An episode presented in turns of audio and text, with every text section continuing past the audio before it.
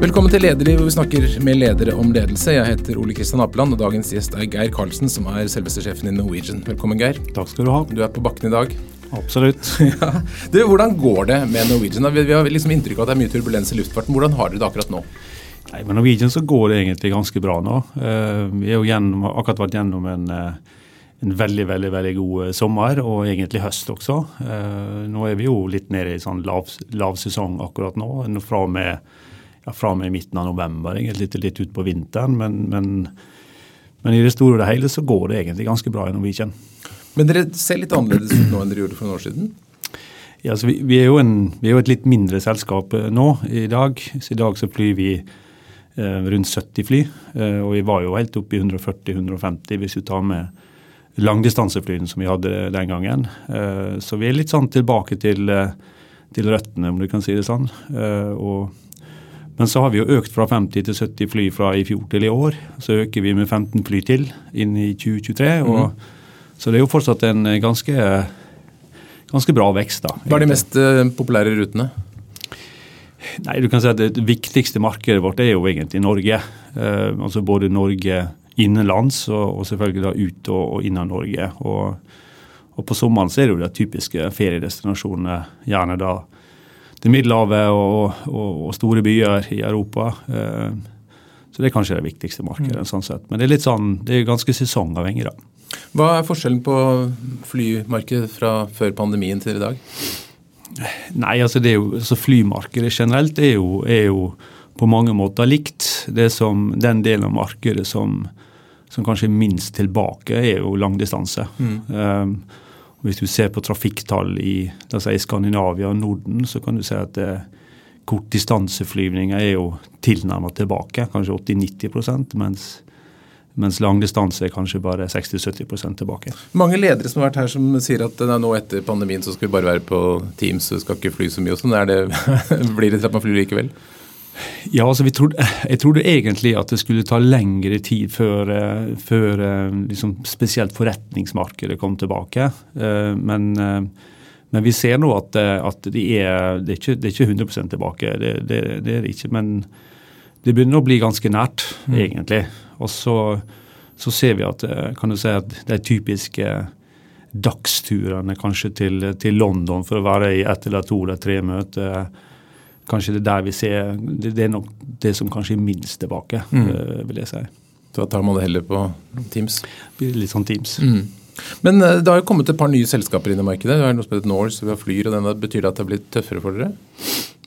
Nei, altså vi, vi, forholder oss jo til den konkurransen som som som vi har til enhver tid. Og, og, og, vi har jo ulike typer konkurranse i ulike marked vi opererer i også. Uh, vi registrerer jo det at det kommer nye flyselskap. og men for oss er det liksom bare å sørge for at vi, at vi er så konkurransedyktige som overhodet mulig. Og Norwegian i dag er nok, er nok mer konkurransedyktig enn på svært lang tid. Um, og, og, um, og, vi konkurrerer med, med de, vi, de vi treffer. Mm. Du er jo eh, økonom og har brukt mye av livet ditt i shipping og offshore internasjonalt, og så kom du til Norwegian som finansdirektør i 2018. Hva var det som trakk deg over i flybransjen? Nei, altså Det var jo egentlig tilfeldig at jeg havna i Norwegian. Jeg, jeg, satt da i London og hadde jobba hadde da jobba i London i fire år uh, og, og, og, fikk en telefon uh, fra Norge. og, og Da hadde jeg jo pendla ganske lenge til London og hadde egentlig lyst tilbake. Jeg hadde jo familie og, sånn, og, da ble det litt sånn tilfeldig.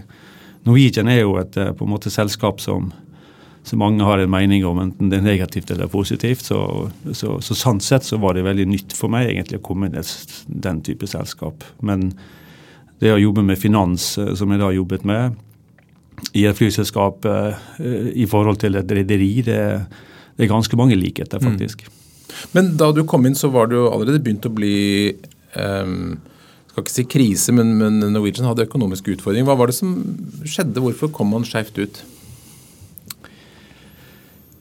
Nei, Det er jo sammensatt. Ehm, det er klart at eh, det, klart at det ble jo gjort en, eh, en, ganske stor flyordre tilbake i 2012. Det, var veldig, det, var, det, var, et veldig sånn ambisiøst eh, ja. trekk. Ja. Men det, var, det, lå en, det, lå jo en, plan bak det fra, fra, fra Bjørn Kjos og, og, Bjørn Kise den gangen. tanken var jo at han skulle fly, skulle fly Boeing-fly. Og så skulle han da starte på en måte et leasinghus da, der først og fremst den Airbus-flåten skulle, skulle, da være. Og så var jo På Boeing-sida så var jo tanken at han skulle da ha en flåtefornyelse, altså erstatte gamle Boeing-fly med mm. nye fly. Eh, det var jo tanken. Og så, og så kan jeg jo si etter, etter tid at uh, det var jo selvfølgelig aggressivt og en, en vanvittig stor flyordre. Og, og, så ble han jo da møtt med og Dette var jo ny teknologi på mange måter, og som da viste seg ikke å fungere slik det skulle.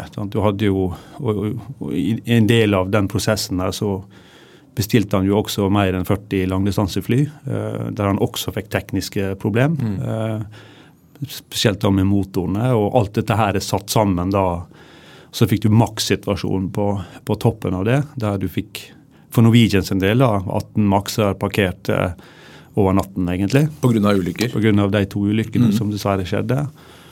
så sånn i ettertid så, så så jeg har ofte kalt at du, liksom, du hadde liksom en the perfect storm, altså. Med uh, uflaks, mm. kan du gjerne kalle det. Uh, men i etterpåklokskapens ånd så kan han kanskje si at uh, kanskje han ikke bør fly ny teknologi og være den første som, som mm. starter å fly det. Det kan han jo si etterpå nå i dag, men, men Det er jo ikke så lett å si. Mange selskaper lykkes med å være først på ting. Ja. ja.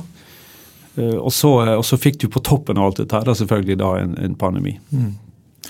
Så var det allerede lå det i kortene at når du kom inn eh, at du skulle være litt sånn ryddegutt? Nei, egentlig ikke. Det var, det var vel ikke derfor jeg tok jobb. det var ingen som sa det til deg, i hvert fall.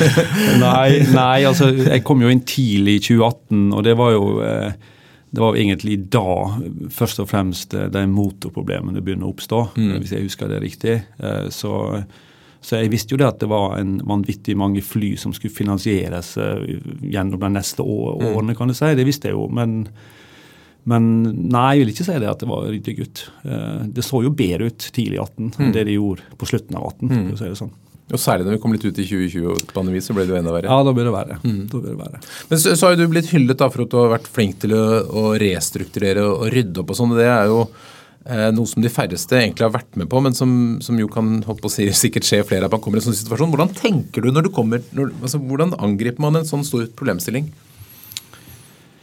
Nei, altså du, du kan si at uh, i min tid da, i Norwegian, så når vi begynte å få disse problemene i, allerede tilbake i 2018, så har jeg egentlig jeg har følt jeg har sittet litt, uh, ikke bare jeg, men alle andre rundt meg også, vi har jo liksom sittet litt med ryggen mot veggen litt for lenge, for å si det sånn. Og, og, det begynte jo allerede egentlig i 2018 og inn i 2019, da vi egentlig gjorde den første fasen av en slags restrukturering. da. Mm. Uh, og, og det, er jo, eh, det, er en, det er jo en kamp, egentlig. Kontinuerlig kamp mm. med å på en måte forsøke å på en måte ha en operasjon som tjener penger, samtidig som du vet at du har på en måte finansielle utfordringer, da, kan mm. du si, og, og høy gjeld og, osv. så videre. Så det er jo ja, det er jo utfordrende. Det er mm. klart det. det er klart det, Over så lang tid. Men er det sånn at du, når du begynner med en sånn prosess, at du har en sånn komplett plan hvordan det skal se ut når den er ferdig, eller er det sånn at du bare starter et sted og begynner å nøste?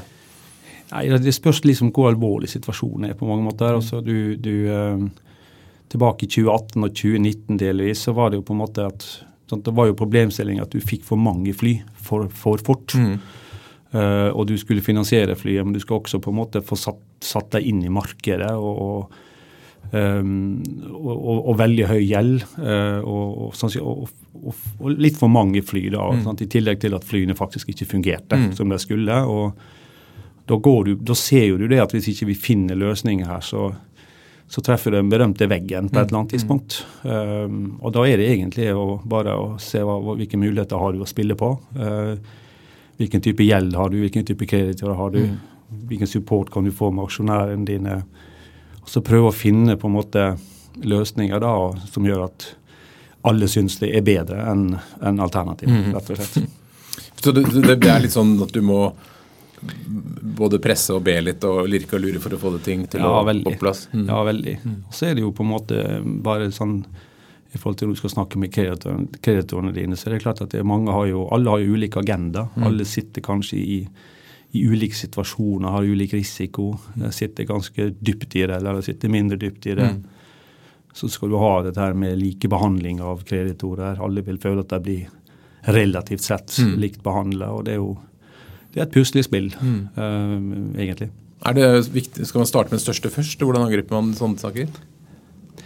Ja, altså, det, det, handler at, det, handler litt om at du må på en måte ha en evne til å sette det inn i den andre parts på en måte situasjon. Mm. Og, og, og, så prøve da å finne en løsning som, som, gjør at den løsningen du foreslår er om ikke annet marginalt bedre enn mm.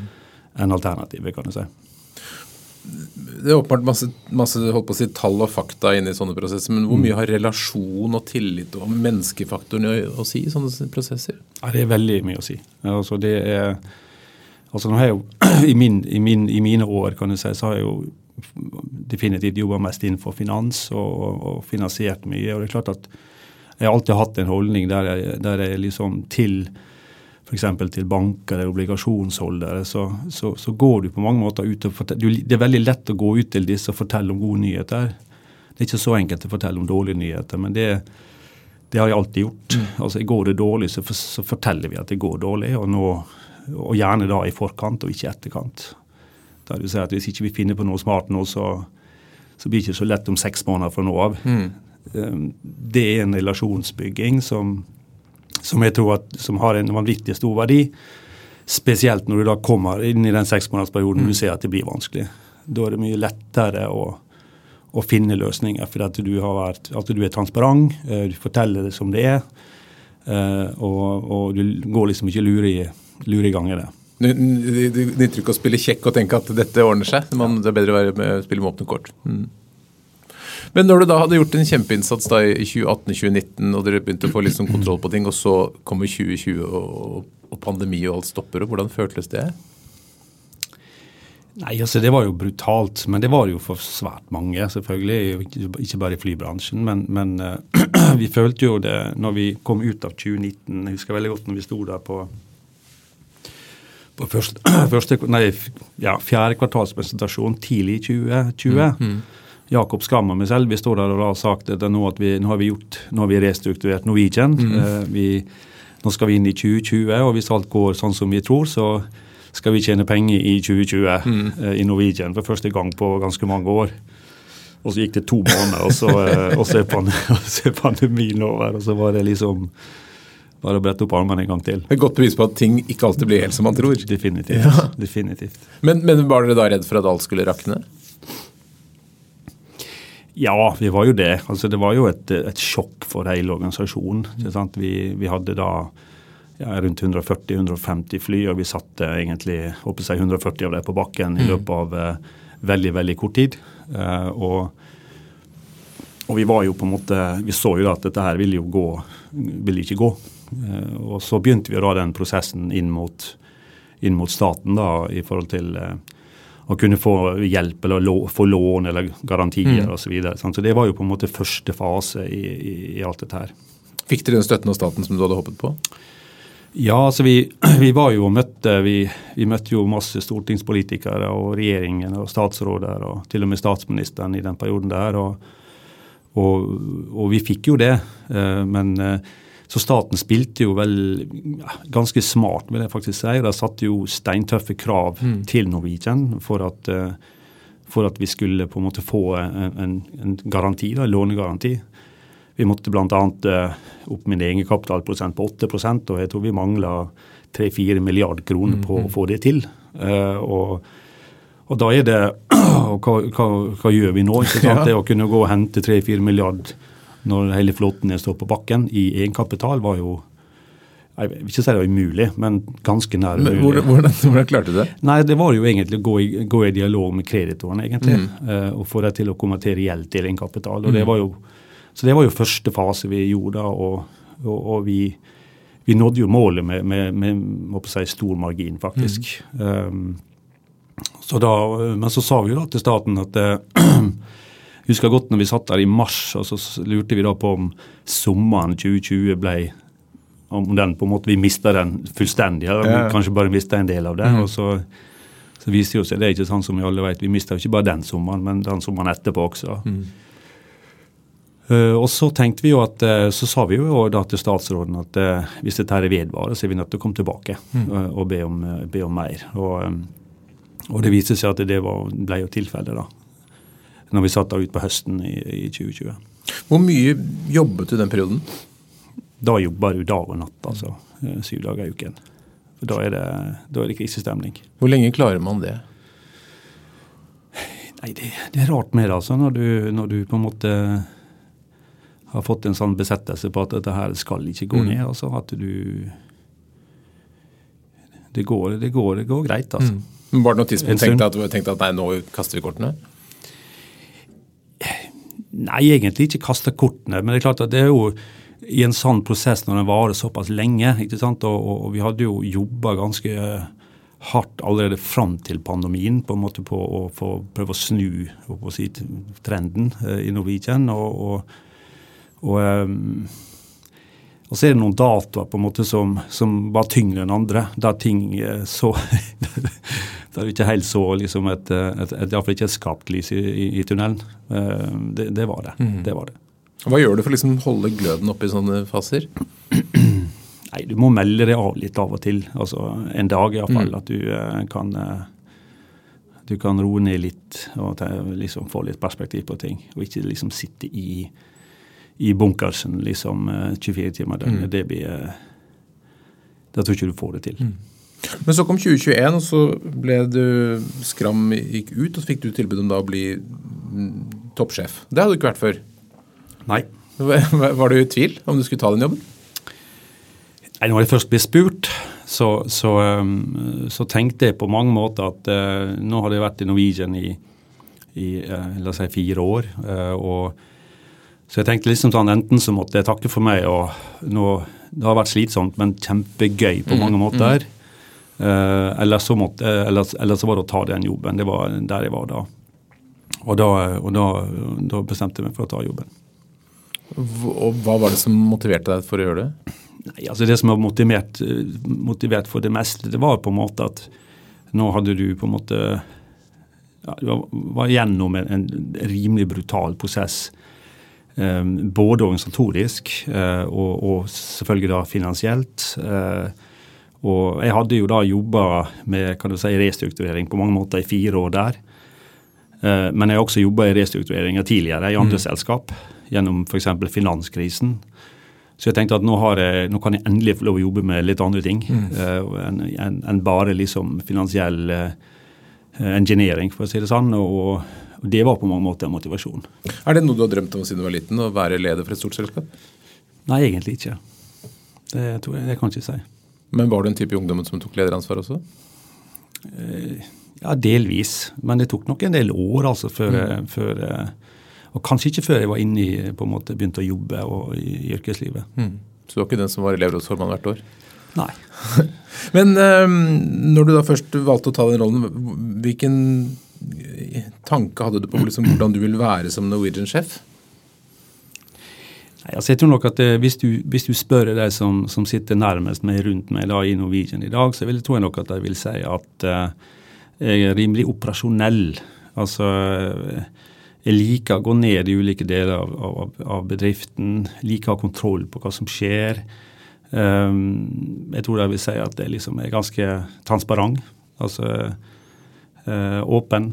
Eh, ingen, eh, ingen agenda på noe som helst, bortsett fra at vi skal på en måte få til mm. Norwegian. så det er på en måte den, den er mm. sånn fra dag til dag, da iallfall. Hvordan jobber du for å spre optimisme ut i organisasjonen? Altså Det, det syns jeg er aller mest gøy. kan du si. Det er jo på en måte å reise rundt i organisasjonen. Uh, og, og, jeg bruker mye tid på det. Mm. Uh, Hvor mange mennesker er det nå? Ja, nå er vi rundt, la oss si, vi er rundt fi, mellom 4002 og 4003. Mm, neste, ja. Neste sommer så er vi nok opp mot 5000. Ja. Uh, så det å, Da snakker jeg ikke bare om å, å snakke med leder, ledergruppen min og, de som sitter under der, men, men, men med alle i mm. organisasjonen. og mm. Liker å få input, liker å få spørsmål. Uh, og vi, vi, har organisert oss nå uh, på en måte i selskapet slik at vi, vi deler veldig mye informasjon til alle. Mm. Eh, jeg syns det er svært viktig. Vi har såkalte townholds-møter der vi gir kanskje mer informasjon enn det som kanskje er vanlig. Mm. Slik at eh, folk liksom forstår liksom hva er det vi går og tenker på om dagen, også på, på, i ledergruppen. Hva er det som er fokusområdene? Hvor er det de største utfordringene? Slik at vi på en måte vi får et Vi har en av verdiene våre som heter 'in it together'. Uh, og det, det høres litt flosklete ut, men det er faktisk noe som ligger bak der. Vi, jeg, tror, jeg har bare tro på at hvis, alle, hvis så mange som mulig kjenner til på en måte retningen vi ønsker å gå, målene vi har satt oss, så, eh, så er det lettere å få folk med også. Opplever du at alle er interessert? Uh, ja, faktisk så gjør jeg det. Mm. Eh, det virker sånn, og, og, vi ser på en måte nå på engasjementet som vi har. Det, går, det kan gå altså både på det som fungerer veldig bra i selskapet, men det kan også gå på ting som ikke fungerer veldig bra. At du har på en måte en, en, eh, en informasjonsflyt altså, der, du kan, der, du fanger opp det, også det folk er misfornøyde med. Mm. Slik at du på en måte får gjort, eh, får gjort noe mer. Da. Hva liker du hvis du er ute og snakker med flyvertinner f.eks.? Hva er det du liker å snakke om? Jeg liker best å snakke om det, altså hvordan de har det på jobb, rett og slett. Eh, hva er det som fungerer veldig bra, hva er det som fungerer dårlig. Um, disse sitter jo i frontlinjen, som vi kaller det, mm. og det er jo svært viktig å høre hva hva de mener vi kan gjøre for at vi kan kunne ja, gi et bedre produkt til våre mm. kunder. Uh, som gjør at de får det bedre på jobb. De er mer motivert, har enda mer energi. Mm. Eh, det, er det, det, er det, vi prøver å få ut av det. Og så, og så deler jeg litt informasjon om hvordan vi tenker det, vi som sitter på Fornebu også, som ikke er oppe i luften mm. uh, hver dag. Uh, og på den måten så får du en slags, uh, forhåpentligvis en slags lojalitetsforhold på en måte begge veier. Mm. Er det attraktivt å jobbe i Norwegian? da? Får du tak i det du skal ha? Ja, det er absolutt attraktivt. og, og Jeg var jo litt spent på det når vi på en måte var, hadde problemer om, om vi fikk tilbake den, den, følelsen. og Nå var vi jo vi var nede i Danmark nå. Vi skal, ja, vi skal ansette 120 personer i Danmark, og jeg tror vi hadde i kabin da. Mm. Jeg tror vi hadde nesten 1400 søkere. Så, så, så definitivt definitivt. Hva, hva, går dere etter da? Hva er det dere vil ha? Hva, hva, hva, er den perfekte ansatte i Norwegian? Nei, Det spørs hvilken stilling vi snakker om. Men hvis vi, snakker om i kundefront, da? I kundefront? Nei, altså vi vil ha uh, folk som liker å fly. Mm folk som er serviceinnstilt. Som syns det er ekstremt uh, på en måte givende. Det å kunne gi kunden så god service som overhodet mulig. Mm det å kunne være en pådriver for å forbedre oss i alle, i alle ledd. Eh, og i det hele tatt. Og så er det klart at hvis, eh, hvis vedkommende på en måte er også det jeg kaller en selger, da, så, så er det enda, enda mm, bedre, mm, kan du si. Så det er jo de vi er ute etter på, på, i luften, kan du si. I kabinen, da, først og fremst. Det som preger eller um, flybransjen litt sånn i nyhetsbildet, kanskje særlig SAS, eh, er jo dette med fagforeninger. Hvordan er, deres, hvordan er ditt forhold til fagforeninger? Nei, altså du kan si at Fagforeninger for meg det, altså det, Et av de områdene som var totalt nytt for meg, det var jo på en måte arbeid inn mot fagforeningene. Og, uh, og, og det er ingen tvil om at uh, i flybransjen så har, så har, fagforeningen en sterk posisjon.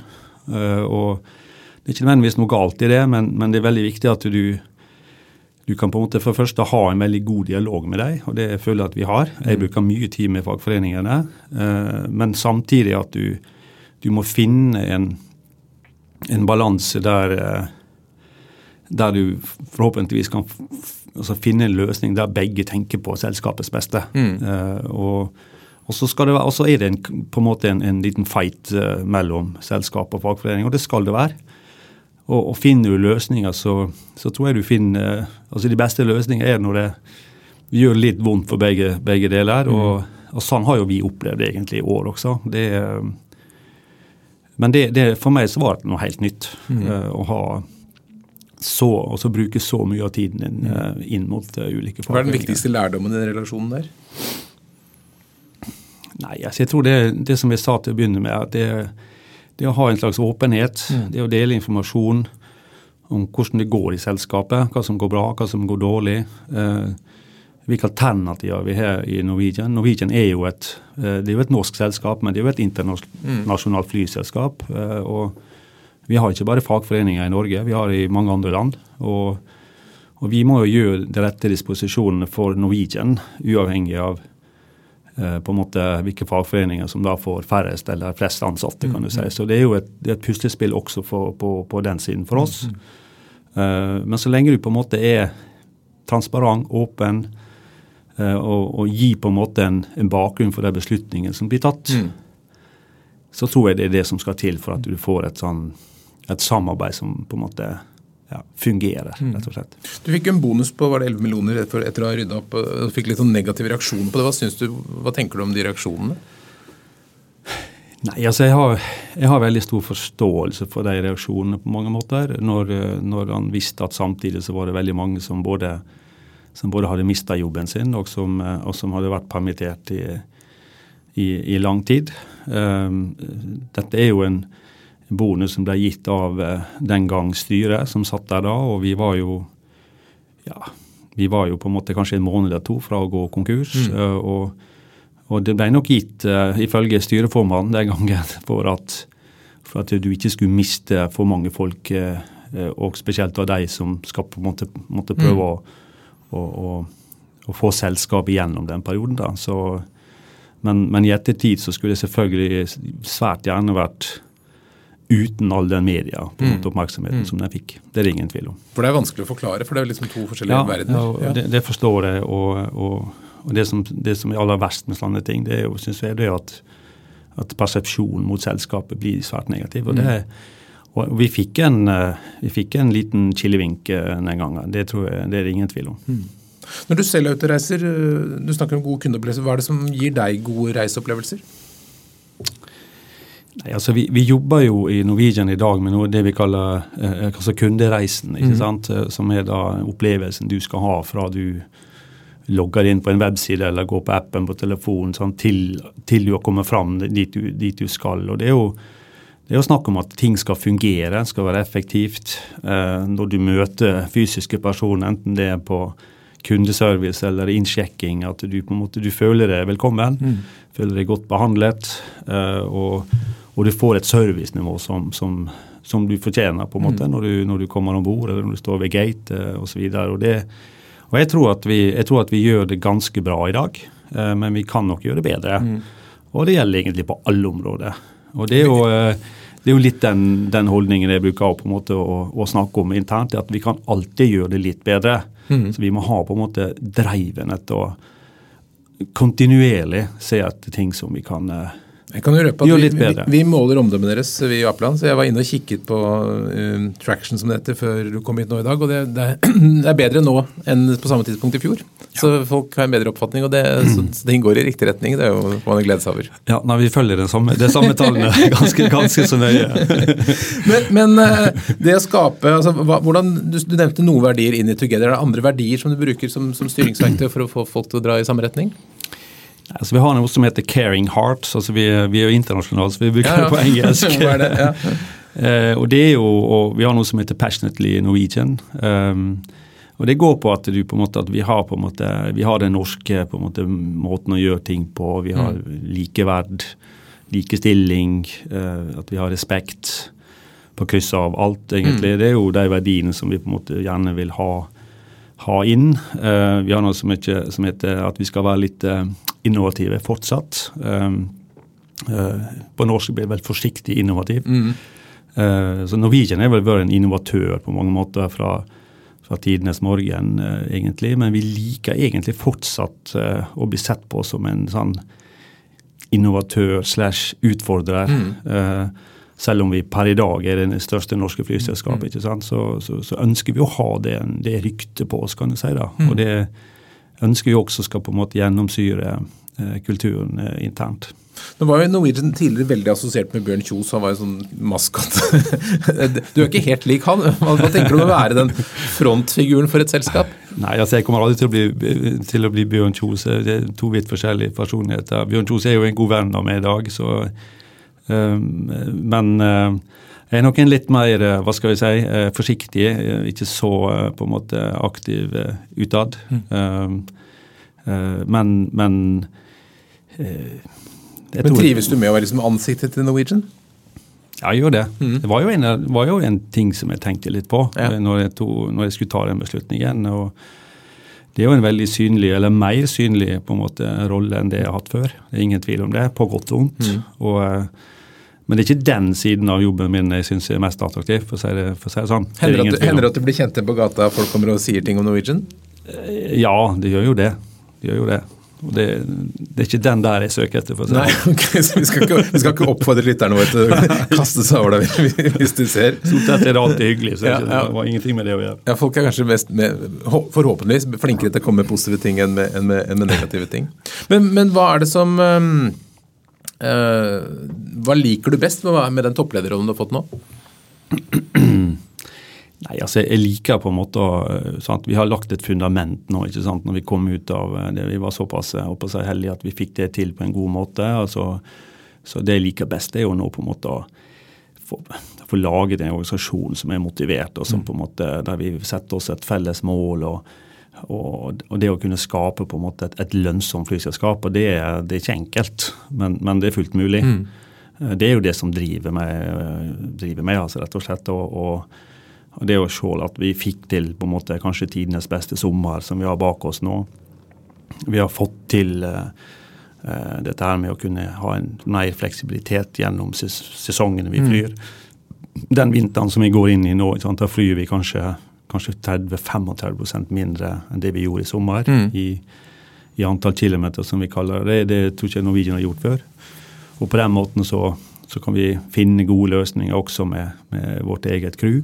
Uh, og som gjør at vi på en måte kan flekse mellom sesongene, og så på en måte at vi blir et sånn tolv måneders rullerende, mm. lønnsomt flyselskap. Det er, jo, det er jo målet, og vi er jo definitivt på vei dit.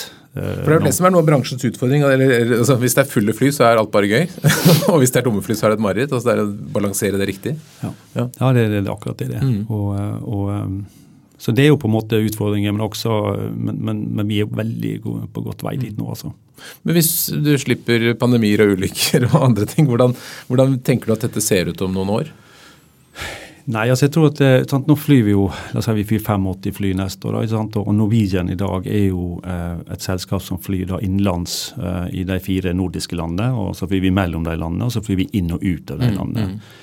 Til, eh, til, eh, til, til, Europa. og og så har vi jo sagt at hvis vi skal på en måte gå over la oss si 90-95 fly, så, så, må vi nok eh, ta et steg ut av Norden igjen.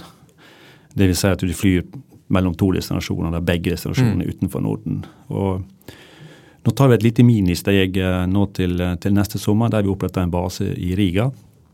og med den så tenker vi at det er vårt første lille ministeg ut av, av Norden. og vi, Der vi kommer til å fly da fra Riga til andre destinasjoner i mm. Europa, men også inn, inn, i Norden. Og så får vi liksom, eh, altså Denne gangen her så skal vi Vi har jo vokst veldig fort i Norwegian før. Eh, vi vokser nå også. Eh, men vi tenker at denne gangen så skal vi vokse i takt med markedet. Og, og, og så får tida vise, egentlig. Altså, vi har jo bestilt 50 fly, nye mm. fly, som, som begynner å leveres da i 2025. og så og Så får vi se liksom hvordan markedet utvikler seg. Vi Litt mer sånn sykkelvennstil på, på, veksten, er det det som er Ja. Jeg vet ikke hva du mener med det, men, men, men, eh, men eh, Sten den, på sten og ha penger først og ta det litt den mer muligheten har vi, i hvert fall, mm -hmm. har vi i hvert fall nå. Men ser du for deg at det er et mye større selskap om fem år? Om fem år så, så vil jeg tro at vi er et større selskap, ja. Mm. Hvor mange fly vi flyr og hvilke marked vi flyr i, det, det får tiden vise. Men, men vi har sagt at vi har en organisasjon i dag som kan, som kan drive 100 fly, med mm. sam, mer eller mindre samme organisasjon. Så, så, jeg tror vi kommer iallfall opp til 100 fly ganske fort. Men, eh, men en utfordring for flybransjen, i hvert fall, vi er mange som føler litt på sånn flyskam, som det heter. altså At vi vil ikke helt fly så mye, for da forurenser vi mye, har litt dårlig samvittighet hvis vi har fløyet mm. sånn. Hva tenker du rundt den utfordringen? Nei, altså Det er jo, det er jo en utfordring, en, men, men, samtidig et område, altså det med bærekraft som vi jobber veldig seriøst med. Eh, og Jeg kan bruke lang tid på å snakke om eh, bærekraft her, mm. men, men, det er klart at det vi prøver å få til, da, det er jo at vi skal på en måte være eh, liksom det, bæ, den, det, bærekraftige alternativet på mange måter. Det og det er derfor, vi, derfor, har vi gått ut av det, vi gått, gjorde vi for lenge siden, der vi har sagt at vi skal redusere utslippene våre med, med 45% innen 2030. Hvordan skal dere gjøre det? Ja, Det var det, var, det jeg trodde du skulle spørre om. Altså, nei, altså det, det, er kun én måte vi kan få det til på. og Da er det under forutsetning av, av at vi ønsker fortsatt å fly. Mm. Og det tror jo vi at folk ønsker. Så Eneste måten å få det til på, det er jo å få i gang produksjonen av det vi kaller bærekraftig drivstoff. Mm. Altså SAF, som vi, som vi, kaller det. da, og, og, Det er jo derfor vi på en måte pusher eh, veldig da inn mot både myndigheter, gjennom NHO, inn mot regjeringen, mm. eh, for å på en måte finne løsninger som kan insentivere eh, for å få Hvordan skal man lage det, da? Hva er det det lages av? Det er, jo, det, er jo, det er, jo, forskjellige måter å lage det på. Altså det, vi, det, vi, det vi ser på nå, da, det er jo Uh, løsninger der du bruker biomasse, om det mm. kan være søppel eller skog, skogsavfall eller mm. hva det nå skulle være, ikke sant, for å produsere dette her. Og, og vi mener jo som, som norsk flyselskap at, at, vi både har råstoffene her i Norge, vi har uh, teknologien definitivt. Mm. Uh, og vi har en god Jeg tror vi kan tappe mye kapital også for, for å gjøre dette her, men, men det på en måte må være du kan si at eh, et sånn type drivstoff i dag koster kanskje la oss si, tre til fem ganger så mye som vanlig, eh, vanlig eh, mm. drivstoff. Og, og, så her må vi finne en løsning der, der vi kan finne en, en, fordeling der vi kan ta en del av den mm. regningen. Eh, kunden må dessverre ta en del av regningen, at, men at staten eh, også da på en måte må komme med løsninger som gjør at det er attraktivt å starte produksjon. Ja, det er gledelig betalt for det. Men, men eh, hva med elfly? Altså, nå var jo konkurrentene ute og snakket om å skulle fly elektrisk. SAS, har du troa på det? Ja, altså vi er jo, vi er jo veldig for hvis det, hvis det skal komme. Og, og, på et eller annet tidspunkt så vil det sannsynligvis komme også. Men, men jeg tror at vi må stikke, stikke hånden i jorden, og, og, iallfall når vi tenker på en, hvor lang tid det vil ta. Altså Jeg tror ikke at du vil ha et fly, et kommersielt fly med 189 seter som vi flyr med i dag, da, um, i løpet av, med, med el, kun elmotor mm. uh, i løpet av de neste 10-15 år. Jeg har ingen tro på. Mm. Er det andre ting enn en selve drivstoffet som dere kan gjøre for å bli mer bærekraftig? Ja, det er det jo. altså En annen ting som vi også gjør nå, det er jo selvfølgelig da å ta i bruk eh, ny teknologi. Mm. Uh, og Det er jo derfor da vi har bestilt nye fly som har motorer som, som brenner kanskje 15-16-17% mindre enn det de flyene vi nå flyr rundt med. Mm. Det vil jo ta ned utslippene. Vi er jo og så går det i tillegg til det med på, på måte, altså, søppelhåndtering, bruk av plast, eh, fornybare på en måte, emballasje. Og det er jo noe vi har jobba med i lang tid. Mm. Men, men, realistisk sett, hvis vi skal nå våre mål på 45% innen 2030, så er det, er det på drivstoffsida som mm. vi, må, vi må ha ja, en, en hurtig utvikling. Mm. rett Og slett. Og vi, vi har sagt at hvis, hvis, det ser fornuftig ut for oss, så kan vi også være villige til å investere altså kapital for å få i gang en sånn type produksjon. Mm. Det er mange fargerike mennesker i flybransjen. Du har en karismatisk Ryanair-sjef, og du har hatt Branson. Har, er det noen som inspirerer deg spesielt som leder? Nei, altså som person eh, det har jeg ikke lyst til å kommentere. Men, men, eh, men det er klart at eh, når vi ser på lønnsomheten til flyselskapene rundt omkring, så er det ingen tvil om at, at, at Ryanair er et eksempel som, der de har vært og er svært lønnsomme. Mm. Så, så vi, men vi prøver jo på mange måter vi kjører jo det vi kaller benchmarking på, mellom, oss, mellom Norwegian da, og, mm. og, mange andre flyselskap, mm. inklusiv Ryanair. Mm. Så vi prøver jo på en måte å finne løsninger for oss der vi kan ta det beste fra noen av dem, og, og, og, kombinere det med der vi er gode. Mm. Og så prøve å skape på en måte ja, ja, økt lønnsomhet for oss, mm. for oss sjøl. Nå har Rainer har jo kutta veldig på eller Mitt inntrykk er at det skrelt ganske ned på komfort, mens nordmenn er vel også skal være kos og litt stas å fly, skal det ikke det? Jo, altså vi, vi tror jo at uh, på en måte i Norden, da, kall det i Norden, så, så um, og vi mener jo at vi har et bedre produkt enn Ryanair og Wizz uh, og, og, og EasyJet for den saks skyld. Og vi tror jo at uh, akkurat som du sier, at nordmenn setter pris på, på litt, litt, mer komfort, litt, et bedre produkt, og, og at, og at han kanskje er villig til å betale litt mer for det også. Mm. Det, er jo, sant, det, er jo, derfor vi tror at det, vi, kan, vi, kan, godt forsvare å ha en slags middelposisjon mellom det du kaller ultralavkostselskap, mm. og, og, og de mer legacy-selskapene. Um, Så det er den posisjonen vi har tatt og har hatt en ganske lang, lang tid, og, og, som vi fortsatt har tro på. Er det vanskelige vurderinger? Det der skal vi gjøre billig eller bra? Altså. ja, det er jo det. Ja. Altså, det er jo det. Altså, du kan se at vi, eh, altså som Norwegian, så tror jeg nok du vil se utover nå at vi kanskje nærmer altså vi kanskje går at vi la oss si, opprettholder posisjon, da, mm. mens du ser at noen av legacy-selskapene jeg tror jeg kan nevne SAS også. Mm. Eh, nok kommer nærmere oss. Mm. Eh, og at de, de, satser kanskje enda mer på leisure-markedet. Mm. Det vi har sett nå i år, er jo at vi har tatt markedsandeler på forretningsmarkedet f.eks. For så, så vi, eh, og vi ser at vi, vi, kommer nå til å satse mer på forretningsmarkedet. og, og vi tenker å komme ut med noe, et par nyheter nå over nyttår som da der vi prøver å gjøre vårt produkt enda mer attraktivt, mm. uh, enda mer fleksibelt for de som reiser mye. Mm. Um, og Det er også på en måte for oss en, en måte å kanskje få mer trafikk gjennom lavsesong på uh, enn det vi har hatt tidligere. Så, og, så har jeg inntrykk av dette med, med håper å si, lojalitets, altså rewards og bonus og eurobonus. Det er også veldig viktig virkemiddel i det markedet? Svært viktig. Uh, så vi prøver jo også der å prøve å kanskje tenke litt innovativt og, mm. og, og, kanskje komme opp med løsninger som er som er enda bedre for våre kunder. Så får vi se da ut på vårparten eh, mm. hva som dukker opp. Det er spennende. Men du, du, du, tenker jo sikkert da Norwegian 24 timer i døgnet omtrent. Hva, hva, er det du liksom syns er eh, vanskelig, eller hva grubler du mest på rundt det å ha den lederrollen? Nei, altså det, Du er jo litt inne på det nå. liksom, Hvordan skal vi ta Norwegian de neste, de neste åra? Og, og jeg tror nok det det, det, er riktig å si at vi er nok fortsatt litt sånn vi rister av oss liksom siste restene av det vi har vært gjennom eh, fortsatt. Mm. Uh, men, men, samtidig så, så, tror jeg at vi liksom vi må, vi må beholde markedsandelene som vi har, uh, og det gjør vi på mange måter nå. vi tar markedsandeler. Uh, vi har jo inngått et nytt samarbeid nå med Widerøe bl.a., uh, som gjør at ja, vi kan tilby da mange flere kunder et enda bedre produkt. Ved å kombinere Norwegian og Widerøe.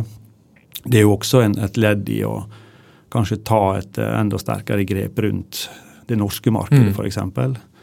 Uh, eh, og så er det da med det med forretnings, uh, forretningsmarkedet. Vi må ta andeler der. Det gjør vi. Har gjort i hele mm. år. Vi skal ta enda mer. Uh, og så er det da ut av, ut av Norden. Mm. Det er liksom neste step. og det er så sånn 2022 er vi jo selvfølgelig ferdig med nå. Eh, sommeren, våren 2023 er vi egentlig også ferdig med. Så nå er det egentlig 2024 vi sitter og mange måter jobber med. Da, og, og, og da er det Riga.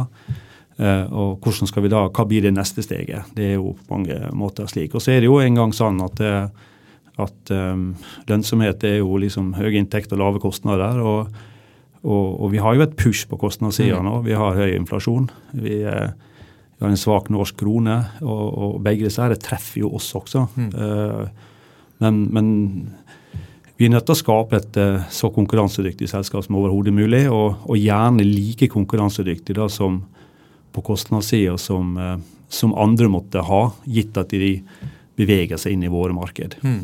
Det er jo liksom oppsummert det, det vi tenker på om dagen. Men vi, vi, Norge er et lite land. Eh, millioner mennesker. Og så har vi da dere, som er stort sett norsk. Og så har vi videre, og så har vi fått Flyr, og så har vi fått Norse. Og så SAS. Det, kan vi ha så mange selskap i det lille landet her?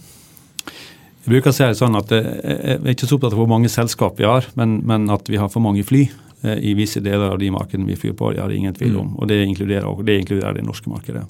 Men har vi så mange selskap i Norge om fem år? I Norge? Ja. Eh, det tviler jeg på. Mm. Det tviler jeg på. du Helt til slutt, Geir. Hvis det kommer en person til deg eh, og vil ha en eh, lederjobb, kanskje skal lede kontoret ditt i Riga eller et annet sted, hva, hva, er de tre viktigste rådene vi gir for å være en god leder? Ja, altså, du må ha på en måte Du må ha en drive. Du må ha en en kan jeg si, en, eh, det må passe inn i den kulturen som vi har, som vi prøver nå å bygge i Norwegian. Um, og så har jeg veldig sans på at du, du uh, uh, Altså du er transparent, at du på en måte kan få, kan få med deg team, at du er motivator.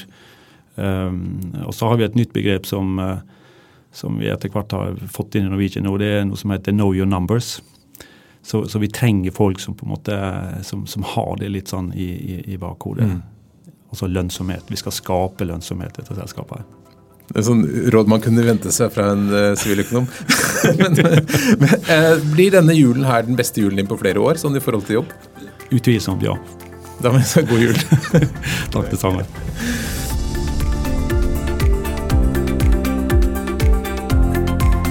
Lederliv er en podkast fra kommunikasjonsbyrået Apeland. Vi legger ut nye episoder hver eneste fredag. Redaksjonen består av Ingrid Hogneland, Lars Volden, Lars Jarli Melum og meg, som heter Ole Kristian Apeland.